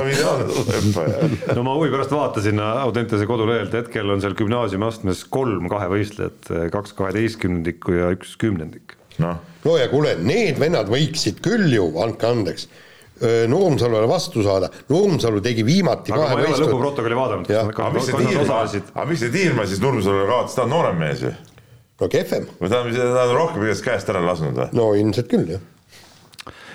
ei no selles suhtes jälle, aga kokkuvõttes ma ütlen, et ma kiidan muidugi Nurmsalut ja Tiirmad, et nad üldse starti läksid. ei, absoluutselt. et selles suhtes nagu ütleme nagu mingisugune vana spordimehe vaim lõi ikka nagu mõlemas välja. aga no, kui ma vaatasin telekast äh, Nurmsalu nagu suusasammu, noh, siis see oli täiesti okei okay,, suusasamm oli näha, et mm. ja ta vist ütles ka, et ta on ikkagi nagu äh, kuidagi Kristjan Ilvesest inspiratsiooni saanud, on ikkagi nagu asunud rohkem suusatama viimasel ajal, et seda oli näha tegelikult. ja, ja kusjuures. see ei näinud välja nagu ütleme ütleme ausalt ja oma ala suhtes enesekriitiliselt no ma nägin küll nagu telekas lühikest lõiku, aga noh, ta nägi nagu loomulikum välja kui näiteks äh, Valmo Kriisa Kossu liigas no jaa, ikka, kes kujutab ette, Norras tuleb, ma ei tea, Espen Bredesen tuleb äh, Norra meistriks. ei, Norras ei kujuta. seal on no vist veteranide omad, ma arvan, täitsa olemas ja, ja piisavalt konkurentsitihedad kõikide nende jaoks. nii ah soo, nii mina, minu enda kord jah ja. Eh,. lained, ma loen, Jaan on see kirjutanud kokku, lained. ei, see on Tarmo, see on Tarmo. milline romantiline, ütleme, teemapüstitus no.. liider VEF kaotas Tartule, Eesti esiklubi Kalev Cramo Ogrele ja ma siiski tooksin siia juurde Tallinna Kalevi ütleme, ütleme kannatuste raja lõppu. viimane võit oli siis kuskil novembri alguses ja nüüd võimas võit tänu Maarjo Paiste eh, viimaste sekundite kolmesele ühe punniga siis Liepa ja eh, gümnaasiumi eh, ütleme poiste üle. Võimas. kohas, kus äh, seal on, nii... seal libastutakse küll aeg-ajalt seal seda küll, aga no halloo, noh kuule. aga, aga mis on nagu lahe, on muidugi see, et et esiteks mulle meeldib väga see Tartu ikka kerkimine ja vaata, tartlased nüüd tegid vist nagu ainsana selle sammu, et nad võtsid selle Ukraina mängija ja, ja mulle tundub küll, et nad on päris täkkesse pannud, noor poiss, kakskümmend kaks sünniaastaga, aga mängumeest on seal, seal rohkem kui, kui paljudes kogu elu seal Tartu süsteemis veetnud meestes, noh. mul tuli juba, juba umbes kaksteist sekundit tagasi, kui sa selle juttu hakkasid ukrainlase peale viima, äh, läks mu mõte no umbes samadele radadele, et ikkagi sinnasamma, et noh, et, et kuidas see noor Ukraina poiss on tulnud ja, ja noh, tegelikult juba röövis seal väga, väga kiirelt, väga kiirelt nendelt, nendelt Tartu ja, poistelt, kes on seal väga kaua olnud juba mänguaega. aga noh, selge see, mees mängis ka eh, Ukraina meistriliigas, jõudis mängida see hooaeg ja, ja ega ta seal nüüd ka niisama pingi peal istunud, et seal oli minuteid ja punne ka, ma ei mäleta, kas kaheksa punni per mäng või midagi niisugust. et, et ei, ei ole nagu paha mees see, see on nagu, see on nagu tore, kui me mõtleme nüüd, okei okay,, seal on mingi teoreetiline variant, et Tartu jõuab veel äh, Raplat edestades isegi kaheksandana. ja no enam nii teoreetiline ei olegi pärast ja, seda. nojah, seal on, no seal sõltub ikkagi Raplast ka, need, sest juttu neist endast ainult. aga, aga huviga jääb ootama, mis nagu Eesti meistrivõistluste seal play-off'is saab, et seal nagu ütleme, need jõujooned võivad, võivad natuke muutuda küll. ja, ja, ja, ja aga samas see Graamo kaotus Orele teeb ka natuke murelikuks, et et eh, noh, tegelikult ei tohiks siukseid asju ei tohiks nagu eh, Cramo, kes nüüd keskendubki ju ainult sellele liigale, ei tohiks tegelikult eh, läbi lasta ju. ja et siin ka üks mäng TalTechiga oli, mis läks ikkagi nagu suhteliselt nugade peale, et et ma oleks ka oodanud, et pärast VTB liiga nagu kadumist kuidagi nagu hakkame nägema nagu domineerivamat. enam ei saa ütelda, enam ei saa ütelda, et, et ma ei tea, graafik on jube tihe, ei saa ütelda, et me pole ka vormis, sest et ka VTB mõttes peaks märtsi lõpus olema nagu tippvormis et, et midagi on seal ikkagi nagu paigast ära ja, ja valesti praegu. Noh. nii, aga võtame järgmise teema ja soovime õnne Julia Beljajevale, meie olümpiavõitjale ja maailmameistrile, kes öö, äh, otsustas saada emaks pärast olümpiatsüklit ja, ja täpselt samal ajal, kui ta nii-öelda emaks olemist tudeerib, õpib ja selleks valmistub, teeb ta trenni ka selle nimel, et võimalikult kiiresti vehklemise rajale naasta ja suvel on siis lapse sünd ette nähtud ja juba oktoobrikuus tahab ta MK-sarjas taas kord kaasa lööma hakata. et noh, paremat asja ei või ju näha, et, et sa tuled olümpiavõitjaks, sa, oled nagu ühe töö ära teinud ja siis, siis, siis võtad selle nii-öelda pere lisandumise töö käsile ja tegelikult noh, ütleme niimoodi, et ma, ma ei ütleks, et pool, aga seal on ikkagi oluline protsent maailma naisvehklejatest on pildilt nii-öelda ära kadunud ja noh, nad räägivad seal ühes koondises on neljast kolm on emapuhkusele läinud teisest vist poolakatest on neljast kaks, et, et, et varsti nad võivad hakata lasteaeda, lastesõime sinna MK-etappidele organiseerima, et tuled oma lapsega vehkled, laps nii kaua on lasteaias. jaa, no väga hästi planeeritud igatahes, et äh, ei, aga nii peabki. tänulik olla loodusele ka, et, et see kaasa aitas ei, nii kenasti. isa poolt täpne töö. jaa lapse isa poolt sul. jaa, aga tegelikult noh. mis sa tead ka, mismoodi seal peab, et tahad poissi-tüdrukut, et kust, kust peab ja kuhu poole, mismoodi? ei, ei, ei tea ah aga ma ei ole ka kindel, et ma tahan seda nüüd praegu kuulama hakata. ei, ma ei tahtnudki praegu siin otse-eetris hakata sellest nagu rääkima, aga, aga. kui vaja on, siis, siis men.delfi.ee te saate Peebuga väga lihtsasti, väga lihtsasti ühendust, noorem põlvkond, kes te kuulate ja, ja, ja noh, need nõuanded on noh kulda väärt. ma ütlen kulda väärt ja ütleme heast südamest ja täitsa tasuta, noh, noh loomulikult mõne väikse väikse meene sellise tõhustusdoosina töötava sellise nagu mingisuguse keemilise elemendi võiks Desi, tuua. desinfitseeriva elemendiga eelkõige siis. kuule, aga me, meil ei ole neid täheks, aga, aga alles siis, kui need nõuanded on muidugi tulemuseni aidanud. kuule, aga meil Mitte ei olegi desinfit-. kuule, aga meil, meil polegi tükk aega juba nänni saadetud, huvitav, kas meil kuulajaid üldse on või? Kunagi mäletad, saadeti jäätist meile ja ve ja vein, vaata, mis, mis aastatega, mis ta mul kapis seisis paremaks no, muutus. mina ikkagi olen saatete järel tagasisidet saanud, järelikult on kuulajaid. ei, ma olen ka saanud mõned jah, järelikult ikkagi on jah, nii. aga selle saatuse lõpetuseks äh, Äh, no vist vähe lõbusamatele radadele ka, kui nii võib öelda. kas eelmine teema ei olnud lõbus või no,? et inimese lapse rõõmustama. oli, oli absoluutselt, tõsi. Äh, jääme siis lõbusamatel, äh, lõbusamatele radadele, oleme korrektsed. Gerr Kriisa, kuidas ta oli siis, ülikooli korvpalli suurim sitapea, nagu on tiitel juba noorele mehele külge pandud, ajas siis vigastuspausilt tulles NCAA play-off'is ise küll, olgem ausad, mitte kõige paremat mängu tehes, aga ikkagi võitu kätte saades võnkesse Texase Kristliku Ülikooli fännid, kes siis teatasid talle Twitteris, kuidas ära muretse, Kern, nelja aasta pärast müüd sa Eesti tänavatel kartuleid. no vot ja mina, minu küsimus on see, et, et mis need kristlikud fännid ütleme siis nagu alahindavad põllumajandust, et kas siis ütleme kartuli müük Äh, on siis nagu kuidagi nagu halb äh, või, või, või naeruväärne tegevus, ütleme, ütleme tegemist on Eestis ütleme kõige olulisema toiduainega, ütleme kartulit söövad ju kõik ja sisuliselt iga päev, et, et äh, kartulimüük on kõige auväärsemaid asju üldse, mis siin teha saab. ju, ju just, ma, ma tahtsin ka seda, nii aga miks nad ei öelnud, et, et Gerg Riisa läheb siis nelja aasta pärast müüb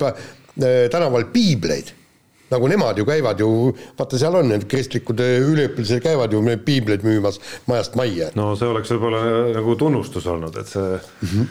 see oli mõeldud. ei, aga tema see oli nagu solvanguna mõeldud ikkagi selgelt, Gerg Riisa andis ka, olgem ausad, natukene nagu alust selleks et, et sealt midagi vastu tuleks. ei, aga nagu austuse märgiks vastasvõistkonnale tegi seda nende käemärki seal tead näe no ei, ei no, olnud nii jah? no oli küll nii jah. noh, ei no aga jumalast, jumalast äge noh, show'd peab ju saama. muidu läheb elu igavaks või ei ole nii või?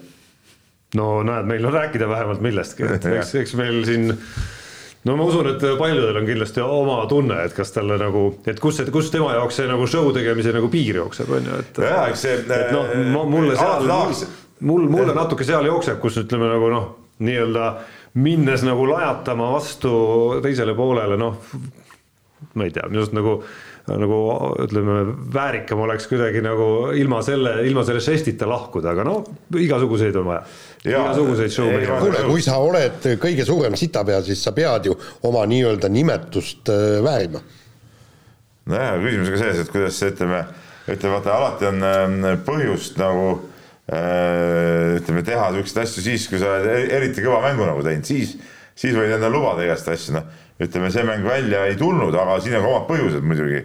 et, et muidugi minu arust, kui me räägime nagu päris asjast, siis nagu ilmaime on see, et kergliisa selle äh, siukse jalaga, mida me neid pilte siin nägime mingi nädal aega igal pool et, et see jalg üldse nagu siuksesse seisundisse viidi, et ta sai kaasa mängida, okei okay,, viskas oma kümnest üksteist kolmesid, võib-olla oleks olnud mõistlikum see, kui jalga korralikult all ei ole, ilmselt ei olnud korralikult jalga all, eh, mitte nii palju neid viskeid võtta, vaid olla seal muud moodi meeskonna kasulik ja söödud, värgid, kaitsed, asjad ja, ja, ja, ja võtta vähem neid viskeid, aga, aga see, et üldse mängida sai, eh, see on ka nagu, nagu sihuke natuke kõva, kõva mehe tunnus nii mängijale endale kui ka kogu selle taastusravi osakonnale seal klubis. absoluutselt noh, ja on selle nagu nii-öelda plõksimise osas noh, eriti mis puudutab vastaseid ja vastaste fänne, noh, seal lihtsalt nagu mingi küsimus on, et kuivõrd see lõpuks noh, sind ennast nagu paremaks teeb või aitab, on ju, et noh, mina kahtlen selles, aga, aga ega kellegi sisse ei näe. noh, väike plõksimine vaata kasuks. laseme kõlli Unibetis saab tasuta vaadata aastas enam kui viiekümne tuhande mängu otseülekannet. seda isegi mobiilis ja tahvelarvutis. Unibet, mängijatelt mängijatele. Nonii, räägime Unibetist, võtame siit kohe nagu nagu noomimisrubriik meil siin kaks, kaks hallipäisemat siin laua taga ei, ei olnud oma ülesannete kõrgusel, ütleme, üks unustas, see on Peep teine ei leidnud, äh, lihtsalt ei leidnud ja ma usun Jaani selles osas, ei leidnud sobivaid panuseid. ma pärast mõtlesin, et oleks Leclerc'i peale võinud ju panna, aga siis, siis ei olnud selliseid... ühtegi võistlust ei toimunud, et sa ei leidnud? ei no ei olnud niisugust mugavat võistlust no.. mugavat, aga seal panedki ju nagu suvaliselt neid asju. no ei pane, no, no, no Ameerika jalgpallis ma ei pane suvaliselt. nii, no vähemalt siis saan ma rääkida endast äh, ja kiita ennast natukene ja avaldada tänusõnad selles rubriigis kahele mehele, esimene neist on selline korvpallur nagu AJ Slaughter. Esiteks saan teda tagantjärgi tänada, et ta Poola koondist aitama ei tulnud muidugi, ameeriklasest tagamees. ja teiseks selle eest, et tema ise aitas Gran Canaria eurosarjas võidule Ulmi raadiofarmi üle ühe punktiga vist lõpuks siis ja teiseks saan tänada Oliver Metsalu, kes äh, aitas võidule mu panuse, et äh, TalTech võidab vähemalt kuueteistkümne punktiga Rakvere Tarvast. aga sa pead ühele kui teisele välja tegema midagi? noh, kuna see kõik läheb heategevaks otstarbeks, siis ma loodan, et nad tunnetavad ikkagi, kuidas nad on panustanud sellesse. ei, põhipoint on ikka see heategevus, omavaheline võit nagu noh, võit. nii. sa tahad mind võita, sellepärast sa paned panuseid. jaa. noh no olgu, vaatame seda asja siis, kui saldo on kokku löödud. saada, saada Slaughter'ile mingi, ka mingi asi siis. et äh, selline ilus saldo on, äh, on mul siis nagu kolmsada kolmteist koma kolmteist selline kahju on nagu üldse sealt nagu ühtegi senti kuhugi. sa nagu timmisid selle. kuhugi ei timminud üldse. ei, sa ikka timmisid selle ise. et kuhugi seda nagu liigutada on isegi nagu kahju ausalt öeldes, aga no tuleb see ette võtta. mehed ei nuta eripanus, Unibetis on sel nädalal äh, jalgpalli puudutamas neljapäevane Eesti-Küprose mäng ja võimendatud Eesti võidukoefitsient siis kaks koma seitsekümmend. Eesti võit? jah. no kuule, sinna tuleb küll panna ju. liiga vähe. no pane sada eurot ja. korras. jah. nojah nii. Klaavan on koondises. ma tean, ei, ei, ma räägin, ma panekski, koefitsient liiga väike, tahaks, et suurem oleks. Noh. no siis äh, pane midagi veel, noh. no peab panema jah, ma nii väikse koefitsienti tõesti pane kindla seisu peale. Jah, seal on veel, ma võin sulle sealt lugeda. ei, ma ei taha, ära praegu loe arvad seisu ära ja oledki kõva mees, ma arvan, et isegi kõige väiksema seisu, kõige populaarsema seisu äraarvamine on kusagil seal kaheksa kandis, pakun lihtsalt puusalt. nii, aga lähme kirjade rubriigi juurde, kirju siin on omajagu ja lähme kõigepealt siis äh, kergejõustiku teema juurde, Egon kirjutab meile nii. Äh, kerge raksu MM-il, hea vana väljend, kerge raks on ju. MM-il hakkas silma see, et Cruzeer otsustava katse eel kuulitõukes kargas Brasiilia konkurendi konk-, ah, kargas Brasiilia konkurent kohe sektori kõrval ja jäi sinna kuni tõuke sooritamiseni. et kas see on mingi uus psühholoogilise mõjutamise vorm või oli tegu reeglite rikkumisega sama hästi võiks kaugushüppes ja kõrgushüppes jõllitada konkurenti, konkurent kasti või mati tagant sealt või sealt kõrvalt, eks ole, kas tabane või geniaalne. Ma kahjuks ei näinud seda, kui, kui lähedal ta siis nagu oli ma ka seda momenti ei näinud jah ennast, et, et aga noh, kõik, mis pole keelatud, on ju lubatud kokkuvõttes ja tegelikult see eh, psühholoogiline mõjutamine, see on ju läbi aegade ju olnud, ikkagi lähed konkurendist mööda, va-, vaatad niisuguse silmaga ja teed võib-olla seal žeste ja kõike, aga no see, siit on, me, me oleme ise kirjutanud ju, isegi Kanteri puhul oli vist midagi, et kas Kanterit mõjutati või midagi, ma ei no seal mõne üksiku sõnaga saab juba ja. ju päris palju teha, noh no, no, no, lähed jalutad, ütled, oh kuule, sul võit käes juba. ja, ja siis aitad, aitad tal mõelda natukene, et ongi äkki käes, on ju, noh, väga-väga pisikene asi ja tööt-, ma arvan, et on spordiajaloos palju hetki, kus see töötab. töötab, töötab. et noh, millest võib-olla ei kuule lihtsalt väga tihti, on ju võrreldes sellega, et telekast on näha, kui keegi kuskil äh, veidra, veidralt asetab ennast äh, konkurendi soorituse ajal. no golfis sa, Jaan, tead väga hästi, seal on võimalik ennast vastasele üsna nagu, vastasmängijale igasugu ebamugavatesse kohtadesse sättida löögi ajal jaa, aga see, seal on reeglid panevad paika, eks, et sa, sa ei tohi igal pool olla, eks. ma saan aru jah, aga ütleme noh, see, see juba see, kui sa pead ütlema talle, et kuule, liiguta ennast. on juba, on juba, on juba toiminud, on juba toiminud, asi on juhtunud, on ju. ei no see oli ju see, tüüpiline oli see Nick Faldo, kui ta oli oma palli nagu auku putanud, siis ta alati nõjatus sellele putterile, pani teise käe puusa ja siis vaatas niisugust öö, oma vastast, et noh, minu töö on tehtud, näita. ja, ja tal oli alati niisugune pilk ees, et, et ütleme noh, see pani ikka käe värisema. jaa, no eriti aladel, kus, kus seal mõtlemiseks, väristamiseks on aega. nii, aga Georgi jätkab siin ka kergejõustiku teemadel ja tal on siin päris mitu küsimust ja ja kõigepealt küsib nii, et mida siseinfo ütleb, kas Magnus Kirdi karjäär on lõppenud, varsti pole mees kolm aastat võistelnud ja minu siseinfo ütleb seda, et Magnus Kirt sõitis äh, hiljuti äh, treeninglaagrisse ja, ja peaks hooaega alustama kuskil äkki mai, äh, mai teises pooles, et nii palju mina tean. et, et lõppenud see igal juhul ei ole ja trenni on tehtud. ehk siis tõehetk on, ma ei tea, paari kuu, paari kuu kaugusel. ja, et eks see küsimus ongi selles, et, et kuidas, kuidas keha vastu peab ja kuidas nagu vaim vastu peab, et, et seda viskeliigutust ikka nüüd täie hoo pealt lõpuks, lõpuks teha Eh, siis ta küsib, mis seisus on järgmised sportlased Jerm Mirotvortseva ning Luna Aleksandra Ladoga. see tähendab, kas nad on terved ja millised nende hooaja eesmärgid, plaanid. Eh, no kõige rohkem ma nüüd selle Luna suhtes pöördun Jaani poole, et, et, et sa tegid suure loo, nii. Mis sa no, saad edasi, see huvi on sul rauged, ma vaatan. ei no ta ju läks minu meelest Harri Lembergi grupi trenni ja nüüd, nüüd sealt ei saa no sellepärast, et äh, pulss on kehva, madal. tegid loo ära ja läks puha, eks ole.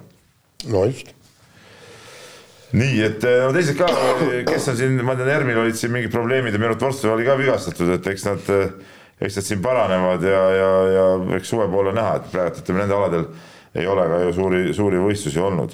ja siis kolmas küsimus see, et kas Hauseberg hakkab kunagi tuhat meetrit jooksma kahe viiekümnest kiiremini ja tuhat viissada meetrit nelja viiekümnega. No me eile sinuga arutasime, et kui sul on treeneriks sihuke vägev jooksutreener nagu Harri Lemberg, no siis siis ähm,, no siis peaks olema loogiline, et ta ikka suudab kiiremini hakata. no mina keeldun uskumast, noh, mina keeldun uskumast, et ta, et kui tal vähegi on nagu endal jätkub püsivust ja tahtmist, et ma keeldun uskumast, et ei ole võimalik äh, treenida ükskõik keda põhimõtteliselt seal ütleme selliseks nelja, neljakümne viie jooksjaks tuhandes viiesajas meetris mina ausalt keeldun seda uskumast, noh, me oleme kõik äh, noh, ilma trenni, no sisuliselt ma arvan, ilma trennita jooksnud kunagi nii tuhandeid meetreid, äh, noh, ajakirjanike kümnevõistluse sees ka tuhat viitsada on ju. enam-vähem mingi ettekujutus on olemas, et kui siis veel natukene trenni sinna juurde oleks teinud, noh siis, siis see neli nelikümmend viis ei, ei tundu nagu treenitud tippsportlasele ikkagi nagu asi, kuhu ei peaks saama nagu jõuda, et no, no mäletame Erki Noole karjääri noh, seda, mis aitas tema ju üle selle nagu nii-öelda nagu viimase saba on ju, oli ka ikkagi ju nagu väga selge ja ikkagi üsna kiire hüpe tegelikult tuhandes viiesajast, ta ei olnud kehv jooksja, aga lihtsalt ta sai kehvast, ta sai nagu ütleme, keskmisest jooksjast sai ikkagi selliseks juba nagu päris heaks jooksjaks, mitte tipp eh, tuhande viiesaja meetri jooksjaks kümbimeeste seas, aga ikkagi väga heaks ja ei, ma nõustun sinuga täielikult, et siin me, kui me seda teemat arutasime, siis me jõudsime seal juba, juba eile ühisele järeldusele, et see, et see asi nii on. siis ma vahemärkusena ütlen, Indrek saatis äh, meile väikse märkuse, et et, äh, et Peep sinu tahtmine sündigu ja saatis lingi, kus siis on kirjas, et avalik pöördumine Tallinna Tehnikaülikoolile, et see värdnimi TalTech ei sobi, et tuleb see likvideerida, ma loodan, et see lõpuks ära tehakse. seal oli mingi vastu, vastukiri tuli ka minu arust. ei, vastukiri mind ei huvita tähendab. jah, ei TPI on TPI, on ju no TalTech on väärt nimi, olgem ausad, noh, et, et idiootsemat nime annab ühele õppeasutusele välja mõtelda, nii, aga äh, Jaan kirjutab meile ja, ja kirjutab niimoodi. Eesti on väike riik ja meil makstakse head pensioni olümpiamängude võidu eest. Aga kas me ei võiks maksta toetust ka mitmekordsetele MM-kuldadele, nagu viimases äh, Pahvi saates käinud Kaia Parve? Ja üldse, miks me teeme, teame oma olümpiavõitjad, aga selliseid tippe nagu Parve teame nii vähe? Saan aru, et meil on MM-võitjaid ka neil aladel nagu VM-otandus, aga olümpiaaladel võiks tasustada neid mitmekordseid võitjaid, noh? No ei tea, ma pigem, pigem oleksin nõus, et pensioni makstakse olümpiamedalistidele, aga ma ei viiks seda asja ikkagi, seda nii-öelda pension ikkagi nii laiaks, et MM-i eest ka ja seal hakkab, hakkab pihta noh, juba niisugused ebavõrdsused, kellel on MM igal aastal, kellel ei ole ja ta-ta-ta. kellel on ühel MM-il mitu võimalust, äh, teisel ei ole. just täpselt. no olümpial on ka sama asi, et mitu võimalust. jaa, aga vähemalt seal on äh, kõigil äh, ühtlane nelja-aastane periood ja minu meelest ikkagi pension on pension, see on ikkagi suur tunnustus ja ma arvan, et, et selle tunnustuse saamiseks sa pead tõesti midagi erakordselt korda saatma ja olümpiakuld on erakordne erakordne saavutus, aga, aga ma tooksin no, ma tegelikult. rõhutaksin, et okei okay, võtame sama Parve näite, olla seitsmekordne maailmameister ka ikka erakordne saavutus. ei okay,, seda nüüd küll. et naiste laskesuusatamine oli siis alles lapse kingades ja kõik, ma saan aru, aga ikkagi sa oled seitsmekordne maailmameister. ja ei, ei, see, ei seda ka kindlasti, aga noh, lihtsalt võib-olla pensionid mitte, aga, aga võib-olla kuidagi rohkem võiks neid äh, pilti tuua küll või, või nad võiks rohkem pildis olla. noh, lihtsalt tema puhul veel äh, nagu suhestumise mõttes on ka see, et ta, et tol ajal ei olnud ta veel olümpiaala ka, et, et tol ajal ta oli ka teises alade lahtris natukene. jah, no põhimõtteliselt siis, kui tema lõpetas, ta kohe sai olümpiaalaks ka. üheksakümmend kaks oli juba naiste laskesuusatamine. noh, ja siis toimus ka selline nagu ilmselge plahvatus selle, selle kandepinna ja, ja konkurentsi no jaa, aga me ei pea tema põhjal võtma, aga tervikuna ikkagi no noh, meil need maailmameistrid ikka mõned nagu on ka, on ka olemas, eks ole, siin sihukestel aladel, mis on ikka nagu ka päris alad, noh, et, et, et kuidagi võiks neid minu arust nagu paremini võib-olla meeles pidada küll. nii, aga lõpetuseks võtame siis, mis mul tuli, ei tulnudki veel nagu kirjana, vaid tuli, tuli otse telefoni ja, ja, ja. otseliinile. otseliinile nii-öelda jah, eile ja, ja loeme sellise ette, et, et jutt käib siis Rootsi suusatajast Samuelsonist, kes siis rääkis, et äh, on kaks varianti, kas Vene sportlasi, et sealhulgas Boltšunovi sunniti Krimmi okupeerimise aastapäeval äh, Putinit kiitma minna või on nad lihtsalt lollid ja ta küsib, et äh, mida teie Martinsoniga Boltšunovi kohta pakute. et, et, et kuidas, et nemad istusid, kergejõustikad istusid koos ja jõudsid ühisele järeldusele, et need Vene sportlased, putinistid on noh siin on niisugune debiilikud, no ütle välja, eks ole. loll öelda on lollide solvamine, nagu ütleme, kui nende kohta loll öelda. et ähm, ei no see ongi see noh, et, et siin midagi kiita ei ole, aga ma arvan, et äh, vaat siin on see üks, seda üritust on palju nagu esile toodud, vaata, mis oli see nii-öelda see Krimmi mingi kontsert või mis see Lužnikis tehti. et vaata, sa vaatad, ütleme meie venelased vaatavadki seda lihtsalt nagu kahe erineva poole pealt meie vaatame seda kui Krimmi ütleme okupeerimise aastapäeva, no ütleme meie jaoks see on nagu niisugune nagu must päev. aga venelased vaatavad seda kui ja neil on ju seda maha müüdudki niimoodi kui Krimmi eh, liitmise aastapäeva, nende jaoks see ongi nagu rõõmus päev. et, et, et nende arusaamad ongi sellised, muidugi see on nagu lollus, noh, see ongi see, eks ole. ja no lihtsalt Venemaal on ka, eks ole, siiski, siiski äh, ütleme, võiks öelda siis intelligentsemat äh, hulka rahvast, kes, kes suudab seda võib-olla ilma sellise filtritega, seda Krimmi. ja see, see mind paneb kõige rohkem hämmastama, et sportlased, eriti just tippsportlased, võtame sama need Boltšunovid ja, ja, ja no üldse kõik tipud no kurat võtaks, nad on ju kogu elu ju mööda maailma ringi sõitnud, nad ei ole olnud nagu mingi tädi Maša kuskil, ma ei tea, suvalises. ei, aga me rääkisime, no mida see Boltšunov, kas ta teab, et Eesti pealinn on Tallinn, ta teab, et kus on Otepää ja teeb siin ringi. no sa ju, kuule, sa ju, sa ju sõidad ringi. kuule, nad ei oska keeltki, inglise keelt ei oska. ei no aga see näitab. siis sa loedki ainult ju vene sa keelt ei mõista. sõidad ju maailmas ringi, sa näed ju, jumal hotellis ju vaatad ju, ju välismaa televiisoris. no midagi no sa ei saa nii mitte midagi aru, midagi ikka aru no sa ei vaata ju Hiina televisiooni, noh. sa ei saa ju mitte midagi. kui ma olen Päkki mitu korda, ma ikka vaatasin, noh. no said aru, mis seal räägitakse?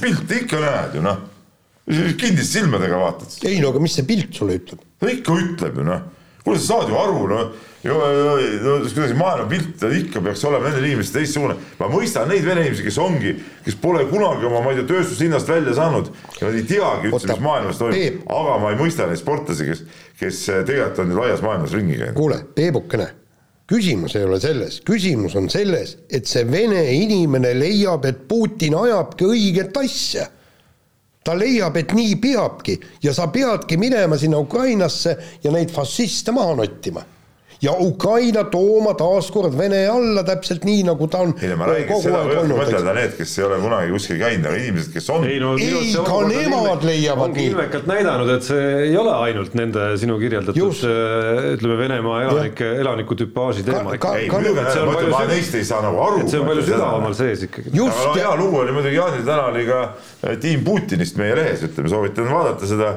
et mismoodi seda asja aetakse ja kuidas seda Eh, kuidas seda mantrat nagu aina suuremaks nagu aetakse. just, aga, aga, aga see, see ongi, saad aru, venelane tahabki oma Derzavat tagasi, nad leiavadki, nemad on kõige vägevam riik siin maailmas ja, ja praegu on tema nii-öelda otsast tükid ära lõigatud, mis tuleb tagasi võita ja kogu tema arvamine ongi nii. ja ta lähebki sinna väljamaale, vaatab, näed, pagana kapitalistid, vaata, kus seal olid, et mis paganama, see kirikupea Kirill homoseksuaalid jooksevad siin ringi ja. oma lippudega. oota, aga vastame siis küsimusele ka, et, et mis, mis sa siis arvad Bolsonarost siis? mina arvan, et ta on äh, ehtne putinlane ja ta leiab, et ongi väga õige, et praegu see Ukraina üritatakse tagasi võita. see on puhtalt ja, minu arvamus. nii ongi. sest tema on ju ka kirglik äh, tiim Putini liige äh, lükkas endal Vene, Venemaa vormi selga, mäletad, kaheksakümnenda aasta Venemaa suusavormi lükkas selga. Nõukogude Liidu Nõukogude Liidu jah, ja ta on igati näidanud, et, et, et see ongi Vene Derzava ja kõik, et see ja, ja see, et, et Putin ajab õiget asja, mitte midagi teha ei ole. sa ei suuda tema, tema aju ümber pöörata. no vot, nüüd sai see asi ka selgeks. nii, sellega on saade lõppenud ja kuulake meid järgmine kord. mehed ei nuta. saate tõi sinuni Unibet, mängijatelt mängijatele